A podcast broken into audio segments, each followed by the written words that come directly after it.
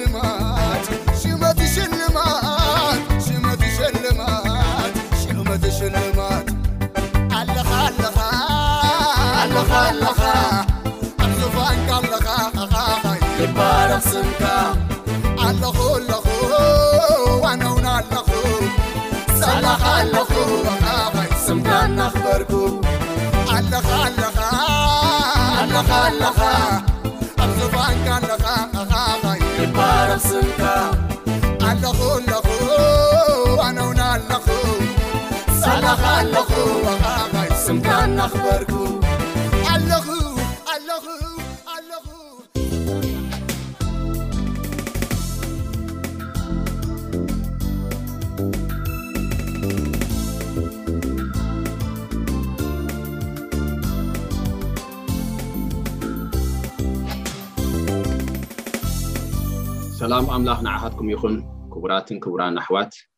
ሎሚ ሓደ ኣርእስቲ ሒዘልኩም ቀሪበ ዘለኹ እንታይ ዝብል እዩ ሓድሽ ህወት ብክርስቶስ ኢየሱስ ክርስቶስ ሓድሽ ህይወት ዝብል ኣርእስቲ እዩሞ ነዚ ክገልጸልና ዝኽእል ያው መንፈስ ቅዱስ እዩ ንዕኡ ብጸሎት ጌርና ክንዕድሞ ኢና ኣቦ ነመስግነካ ንባርኸካ ንስኻ ዓብይን ድንቅን መስተንክርን ኣምላኽ ስለ ዝኾንካ ነቲ ዝደረቐ ህይወትና ነቲ ዝተባላሸወ ህይወትና ናይ ምሕዳስ ባህሪ ዘለካ ኣቦ ነመስግነካ ኣለና ሕጂ ኸዓ ብመንፈስካ ነቲ ቅዱስ ቃልካ ግለጸልና ማታ ንዓኻ ክንመስል ንዓኻ ባህ ከነብል ሂወትና ከኣ ክትቅየርሲ ቃል ክተስምዓና ኣቦ ንለምነካ ኣለና ምሳና ኩን ሰዓታትና ግዜታትና ንስኻ ተረከቦ ብጎይታ ብየሱስ ክርስቶስ ኣሜን። ክቡራት ኣሕዋት ኣብ ትንቢት እሰያስ ኣርባዓን ሰለስተን ፍቕዲ ዓሰርተው ትሽዓተ ዘሎ ቃል ከንብብ እየ እሱ ኸኣ ከምዚ ይብል እንሆ ሓድሽ ነገር እንሆ ሓድሽ ነገር ክገብር እየ ሕጂ ትቦቅል ኣላ ኣይተለልዋን ዶ ኢኹም እወ መንገዲ ኣብ በረኻ ወሓይዝ ድማ ኣብ ምድሪ በዳ ክገብር እየ ሓድሽ ነገር ክገብር እየ ይብል እግዚኣብሔር ናይ እግዚኣብሔር ኣምላኽና ባህሪ ነገራት ናይ ምሕዳስ ዝተበላሸወ ናይ ምፅጋን ተኽእሎ ኣሉ። ኣነ ንስኹምን ሓዱሽ ክዳን ድዩ ወይ ሓዱሽ ዝኾነ ነገር የሐጉሰና እዩ ባህ የብለና እዩ። ንእግዚኣብሔር ከኣ ናይ ምሕዳስ ነገር ብጣዕሚ እዩ ዘሐጉሶ። ህይወትና ክትሕደስ ህይወትና ክትልወጥ ናይ እግዚኣብሔር ድልየትን ዕላማን እዩ ማለት እዩ። ስለዚ እግዚኣብሔር ኣምላኽ ሓዱሽ ነገር ክገብር እየ እሱኸ እንታይ ኣብ ምድረ በዳ ወሓይዝ ኣብ በረኻ ኸዓ መንገዲ መንገዲ ድጠፍኦም ኣንፈቶም ዝጠፍኦም እንታይ ኢና ክንገብር ናበይ ኢና ክንከይድ ዝብሉ ብዙሓት ኣለው ንዓኣቶም መንገዲ ክገብረሎም እየ ይብለና ነቶም ዕጋበት ዘይስምዖም ርውየት ዘይስምዖም ኣብ ደረቕ ምድረ በዳ ህይወቶም እትነብር ንዓኣቶም ከኣ ዘጥልል ማይ ወሓይዝ ክገብረሎም እየ ብሓቂ ኣሕዋት ህይወት ብዘይ ክርስቶስ ልክዕ ኣብ ምድረ በዳ ከም ምቕማጥ ማለት እዩ ህይወት ብዘይ ክርስቶስ ኣብቲ በረኻ በረኻ ሪኢኹም ኣለኹም መንገዲ ዘይብሉ ኣንፈት ዘይብሉ ልክዕ ኣብ ከምኡ ትኽብልል ከም ዘላ ማለት እዩ ጎይታናን መድሓይና የሱስ ክርስቶስ ኣነ መንገድን ሓቅን ህይወትን የለ ናበይ ኣንፈት ክንከይድ ከም ዝግባእ ፊልጶስ እንታይ ኢልዎ ጎይታ የሱስ ክርስቶስ መንገዲ ኣይንፈልጦ ኢና ኢልዎ መንገድን ሓቅን ህይወትን ኣነ ኢሉ ስለዚ መንገዲ ክገብረልና ዝኽእል ኣብ ህይወትና ኣንፈትና ከትሕዘና ዝኽእል መን እዩ ተዳኢልና ክርስቶስ እዩ ክርስቶስ እዩ እዚ ከዓ ኣብ ህይወትና ሓደ ሓዱሽ ነገር እዩ ኣንፈትና ናብ ካልእ ንኸይነበርና ንዑ ደኣ በዚ ተመለሱ እዚ እቲ መንገዲ ክብለና ከሎ ኣብ ህይወትና ሓዱሽ ነገር ይፍፀም ኣሎ ሓዱሽ ነገር ማለት ቅድሚ ሕጂ ዘይትኸዶ ዝነበርካ ቅድሚ ሕጂ ዘይትሓስቦ ዝነበርካ ቅድሚ ሕጂ ኣብ ዕላማኻ ኣብ መደብካ የእቲኻዮ ዘይነበርካ ዘይትፈልጦ እግዚኣብሄር ኣብ ሂወትካ ክገብር ከሎ። ኣብ ደጓ ኤርምያስ ምዕራፍ ሰለስተ ዕስራን ክልተን ኣብ ጸጽባሕ ሓዱሽ እዩ ዝብል ዘሎ። ከምኡ ውን ጭራሽ ዘይጠፋእናሲ ጸጋ እግዚኣብሄር እዩ። ኣብ ጸጽባሕ ሓዱሽ እዩ። እሙን ምኻን ከኣ ዓቢ ይብለና ማለት እዩ። ሕጂ እግዚኣብሄር ኣምላኽ ኣብ ሂወትና ኣብ ሰሰሙን ኣይኮነን ኣብ ዓመት ኣይኮነን መመዓልቲ እቲ ፍቕሩ፣ እቲ ለውሃቱ፣ እቲ ጸግኡ ማዕታን ክንለማመዶ ኣብ ጸጽባሕ ሓድሽ ይብለና። ኣብ ጸጽባሕ ጸግኡ ክንለማመዶ ናይ ምሕዳስ ባህሪ ኣሎና። ንግሆ ብድድ ክንብል ከለና እታ መዓልቲ እቲኣ ናይ ምሕዳስ መዓልቲ፣ ሓዳስ መዓልቲ እያ ንዓኻ። ስለዚ ኣብ እግዚኣብሔር ምስ ንውት፣ ምሉእ ምሉእ ናብኡ ኣንፈትና ምስ ንግበር፣ ብርግጽ ኣነን ንስኹምን መመዓልቲ እንዳተሓደስና እንዳተሓደስና ኢና ንኸይድ ማለት እዩ። ለውጢ ዘሎ ህይወት ኢና ንነብር ኣብ ካልኣይ ቆረንጦስ ሓሙሽተ ዓሰርተ ሸውዓተ ብክርስቶስ ምህላው ዳይ ሓድሽ ፍጥረት ሓድሽ ፍጥረት ንምባል ሃዋርያ ጳውሎስ ሳኡ ገሊጽዎ ኣሎ ማለት እዩ እዚ ሃዋርያ ጳውሎስ ገሊጽዎ ዘሎ ኸኣ ንዓይ ንዓኻትኩምን ኣዝዩ ወሳኒ ዝኾነን ህይወትና እዩ ማለት እዩ ሰባት ሂወቶም ክትመሓየሽ ናብ ካውንስሊን ይኸዱ እዮም። ናብ ዝተፈላለየ ቦታታት ናብ ዓበይቲ ድዮም ናብ ምሁራት ድዮም ሂወተይ ተባላሹ ሓዳረይ ተባላሹ እንታይ ክገብር ኢሎም ናበይ ይኸዱ እዮም ናብቶም ለባማት ናብቶም ሽማግለታት ዝብሃሉ ናብቶም ዓበይቲ ዝብሃሉ ናብቶም ኣማኸርቲ ዝበሃሉ ናብኦም ክኸዱ ንርኢ ኣለና። ከምኡ ጊን ኣይኮነን። ንህይወት ከሐድሳ ዝኽእል ብዘይካ እግዚኣብሄር ካልእ ወልሓደ። ቃል እግዚኣብሄር ንስማዕ ኣብ ፍቅዲ ዓሰርተ ሸውዓተ፣ ካልኣይ ቆሮንቶስ ሓሙሽተ ዓሰርተ ሸውዓተ፣ ስለዚ ሓደ እኳ ብክርስቶስ እንተ ኣልዩ፣ ብክርስቶስ እንተ ኣልዩ፣ ኣብ ክርስቶስ እንተ ኣሚኑ፣ ንሱ ሓዱሽ ፍጥረት፣ ብዘይ ክርስቶስ ምሕዳስ የለን ማንም ማንም ካልእ ከንሐድስ ንኽእል ኢና መኪና ኣነ ከሐድሳ ይኽእል እየ ኤሌክትሮኒክ ዝኾነ ነገር ዝተባላሸወ እንደገና ኣብ ፋብሪካ ኣትዩ ክሕደስ ይከኣል ማለት ህይወት ናይ ሰብ ግን ኣተሓሳስባ ናይ ሰብ ግን መን ክልውጦ ዝኽእል እንተ ኢልና ክርስቶስ ጥራሕ እዩ ማለት እዩ እሞ እቲ ብሉይ ሓሊፉ እንሆ ኩሉ ከዓ ሓድሽ ኮይኑ እቲ ምሕዳስ ተግባር ናይ እግዚኣብሔር ከዓ ፍርቂ ፍርቂ ዘይኮነ ገሊኡ ይሐድሶ ገሊኡ ኸኣ ይገድፎ ዘይኮነሲ ልክዕ ከምቲ ማይ ቢሑቕ ማይ ቢሑቕ ኣብቲ ዝተለወሰ ቢሑቕ ምስ ገበርካዮ ንኹሉ እዩ ዝሐድሶ ካብ ውሽጢ ዝጅምር ካብ ውሽጢ ጀሚሩ ንብሙሉ ክሳብ ዘብክዖ እታ ሰበይቲ ትጽበያ ትጽበያ ኩሉ ምስ ወኸዐ ስንክቶ መኣረይቱ ኸኣ ኣዝዩ ጥዑም ስለዚ ንኹሉ የሐድሶ ዝብል ቃል ኣተሓሳስባና ይሐድሶ ዕላማና ይሐድሶ ኣካይዳና ይዕርዮ ጠመተና ኣንፈትና ብምሉእ ብምሉእ እዩ ዘሐድሶም ኩሉ እቲ ናይ ቀደም ብሉይ ዝነበረ ዘይጠቅም ዝነበረ ኣተሓሳስባ ንዑ ኣፍሪሱ ቅድሚ ሕጂ ዘይንለማመዶ ዝነበረ ዳዊት እንታይ ሓድሽ ልቢ ፍጠረለይ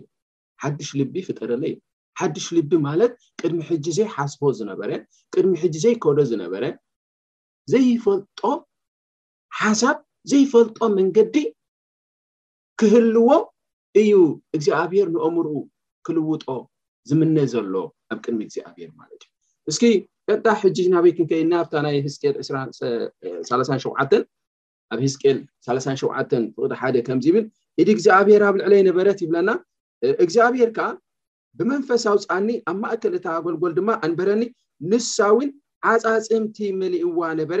ኣብ ጥቕኦም ብዙርያኦም ኣሕለፈኒ፣ እንሆኸኣ ኣብቲ ዝባን ጎልጎል ኣዝዩ ብዙሕ ነበረ፣ እንሆ እውን ኣዝዩ ንቑጽ ነበረ። ብዙሓት እዮም፣ ኣዝዩ ኸኣ ንቑጽ ነበረ። ብዙሕ ዓመታት ገይርዋ። ዓጽሚ ማራ እንተ ነቒጹ ብዙሕ ዘይገበረ እንተ ኰይኑ ራሕሲ ኣለዎ፣ ራሕሲ ኣለዎ። እዚ ግን ጠቕላላ ኣዝዩ ዝነቐጸ ማለት ብዙሕ ዓመት ዝገበረ ብዙሕ ዓመት ተስፋ ቆሪጾም ዝመላለሱሉ ዝነበሩ ህዝቢ እስራኤል ማለት እዩ ተስፋና ተቐብፀ ሙየትና ኢና ንሕና ሕጂ ኣይንጠቅምናን ኣይንረብሕናን ኢሎም ሙሉእ ሙሉእ ኣብ እግዚኣብሔር ዝነበሮም ተስፋ ዝቆረፁ ህዝቢ እስራኤል እግዚኣብሔር ንህዝቅኤል እንታይ ኢልዎ ኣታ ወዲ ሰብ እዚ ዓጻጽምቲ እዚሲ ህይወት ዶ ክህልዎ? ኢልዎም። ኣነ ኸኣ ወእግዚኣብሔር ኣምላኽ ንስኻ ትፈልጥ ኢልዎ። ንስኻ ትፈልጥ፣ ኣነ ኣይፈልጥን ኢልዎ ማለት እዩ። እኖ ኸኣ ኣብ ልዕሊ እዚ ዓጻጽምቲ እዚ ተነበየ፣ ኣቱም ንቑጻት ዓጻጽምቲ፣ ቃል እግዚኣብሔር ስምዑ ኢልካ እውን ንገሮም። ኣብዚ ንዓይ ንዓኻትኩምን ዝምህረና ዘሎ ህይወትና ዝተበላሸወ፣ ዝደረቐ ነገር ናይ ምሕዳስ ተኽእሎ እግዚኣብሔር ከም ዘሎ ቃል እግዚኣብሔር ስምዑ ንመን ነቶም ማዕፃፅምቲ ኣቱም ተስፋ ዝቆረፅኩም ኣቱም ኦሮማይ እትብሉ ናተይ ህይወት ተባላሽዩ ክዕረ ኣይከኣልኒ ኦሮማይ እንብል ቃል እግዚኣብሔር ስምዑ ይብለና ቃል እግዚኣብሔር ስምዑ ሰብ ክሳብ ብህይወት ዘሎ ሙሉእ ተስፋ ብህይወት ክሳብ ዘሎ ዋላ ዝገበረ ይግበር ሓጢኣት ዋላ ዝተባላሸወ ህይወት ይሃልዎ ቃል እግዚኣብሔር እንተ ደኣ ሰሚዑ መንፈስ ቅዱስ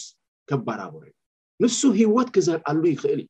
ዝነቐፀ ዓፅሚ ህይወት ክዝራእ ከሎ ሓደ ካብቲ ተኣምራት እዩ ብዙሓት ሰባት ተኣምራት ኢሎም ዝሓስቦ ሕማሞም ክፍወስ ከሎ ካብ ሕማምካ ምፍዋስ ኣእምሮኻ ኣተሓሳስባኻ ክፍወስ ከሎ ይዓቢ ካብቲ ስጋዊ ሕማም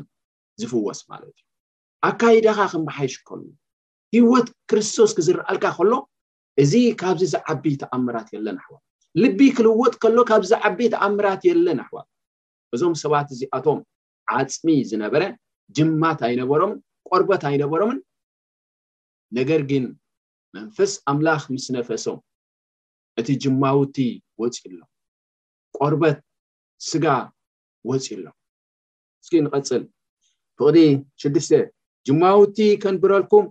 ስጋ ከግብረልኩም ብኦርበት ክኸድነኩም ትንፋስ ከእትወልኩም እየ ህያዋን ከዓ ክትኮኑ ኢኹም ኣነ እግዚኣብሔር ምዃነይ ድማ ክትፈልጡ ኢኹም ስለዚ ኣይፈልጡን ነይሮም ማለት እዩ እግዚኣብሔር ኣምላኽ ንሱ ፈጣሪዎም ንሱ ሰራሐዎም ንሱ ተበጃዊኦም ምዃኑ ኣይፈልጡን እዮም ከምዚ ምስ ገበርክልኩም ኣነ እግዚኣብሔር ምዃነይ ክትፈልጡ ኢኹም ዓዊሮም እዮም ነይሮም እዞም ሰባ እዚኦም ብሓቂ ተሸፊንዎም እዩ ነይሩ ኣብ ዓዘቕቲ እዮም ነይሮም ኣብ ፀልማት እዮም ነይሮም ማለት እዩ ስለዚ ከምዚ ክገብረልኩም እየ ኢሉ ተስፋ ይኣትወሎም ኣሎ ድሓር ከምቲ ዝተዛረቦ እግዚኣብሄር ከዓ ፈፂሙሎ ማለት እዩ ከምቲ እተኣዘዝኩኻ ተነበኹ ክንበ ከለኹ ድማ ድሃይ ኮነ ቃል እግዚኣብሄር ክዛረብ ቃል ክሰምዑ ከለዉ ነቲ ዝደረቐ ኣዕፃፅምቲ ክንበየሉ ከሎ ህስቄል ቃል ክነግርም ከሎ ትንሕንሕ ኢሎም መንፈስ ኣትዎም ማለት እዩ እዚ ቃል እዚ ቃል ህይወት ይበሃል እዚ ቃል እዚ ህይወት ናይ ምዝራእ ተኽእሎ ኣለዎ ማለት እዩ ስለዚ እሱ ምስተነበየሎም እኖ ኸኣ ፍኒሕኒሕ ኮነ፣ እቲ ዓጻጽምቲ ዓጽሚ ኣብ ዓጽሚ ተቐራረበ፣ እኖ ኸኣ ጅማውቲን ስጋን ክወጾም፣ ቆርበት ድማ ክኸድኖም ርኤኹ፣ ትንፋስ ግና ኣይነበሮም። ሕጂ ውን ኣብዚ ጠጠው ክብሉ የብሎምን። መልክዕ ኣሎ፣ ብዙሓት ሰባት መቸም ዘይተለወጠ ህይወት መልክዕ ሒዞም ዝመላለሱ ኣለዉ። እንደገና ንሳቶም ክሕደሱ ይግባእ፣ ክቕጽሉ ይግባእ ማለት እዩ። መልክዕ ጥራሕ ኣሎ፣ ህይወት ግን የለን። ወመልክዕ ኣምልኾ ክህልወካ ይኽእል፣ ክትዝምር ትኽእል፣ ክትሰብኽ ትኽእል፣ ክትምስክር ትኽእል፣ እሱ ግን ኣይኮነን ህይወት። እዚ መልክዕ መልክዕ ጥራሕ እዩ፣ ህይወት የብሉን። ህይወት ክህልዎም እንደገና ህዝቅኤል እንታይ ክገብር ኣለዎ? ክንበ ኣለዎ ማለት እዩ። ስለዚ ይቕጽል፣ ኣብዚ ጠጠው ክንብል የብልናን ኣሕዋት፣ ኣብዚ ጠጠው ክንብል የብልናን። መልክዕ ኣምልኾ ይብለና ሃዋርያ ጳውሎስ መልክዕ ኣምልኾ ዘለዎም ነቲ ሓይሉ ግና ዝክሕድዎ ካብዚኦም ርሓቅ መልክዕ ጥራሕ ክርስትያን እየ ምባል መንፈሳዊ እየ ምባል ኣኻሊ ኣይኮነን ህይወትና እንተዘይተለዊጣ ትርጉም የብሉ ትርጉም የብሉ ንኣሕዋትና ህይወት ክርስቶስ ኣባይን ኣባኻትኩምን ክትንፀባርቕ ኣለዎ ሃዋርያ ጳውሎስ ንሰብ ገላትያ ክርስቶስ ኣብ ህይወትኩም ክሳብ ዝሰኣል ኢሉና ተንበርኪ ከፅልል ሰባት ንዓይ ንዓኻትኩም ክርእዩና ከለዉ ህይወት ክርስቶስ ክርእዩ ኣለዎም ኣብዚ ክሳብ ንበፅሕ ናይ ምሕዳስ ተግባር ንዓይ ንዓኻትኩምን